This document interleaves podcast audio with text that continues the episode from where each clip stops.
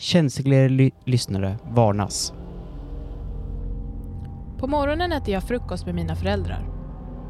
Sen går jag till skolan, men när jag är där i klassrummet så märker ingen att jag är här.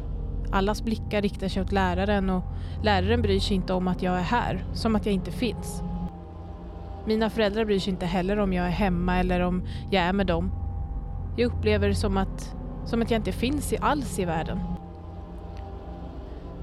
När jag kollar på mig själv i spegeln så syns jag inte alls. Jag önskar att jag syns, som för inte att alla tror att jag inte syns, som att jag aldrig har existerat i denna värld. Jag har försökt få mina föräldrar, syskon och klasskompisars uppmärksamhet. Men ingen märker att jag gör det och de ser inte mig,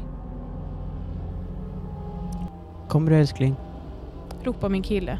Ja, älskling, ropar jag tillbaka, som är i sovrummet. Jag går ut från rummet vidare ner för trappan och möter min kille. Jag ger honom en kram och han berättar hur vacker jag är.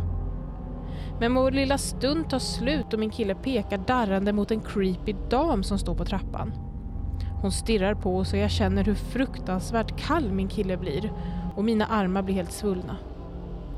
Min kille, ut, min kille utbryter till gråt av rädsla av damen och min tunga skärs av.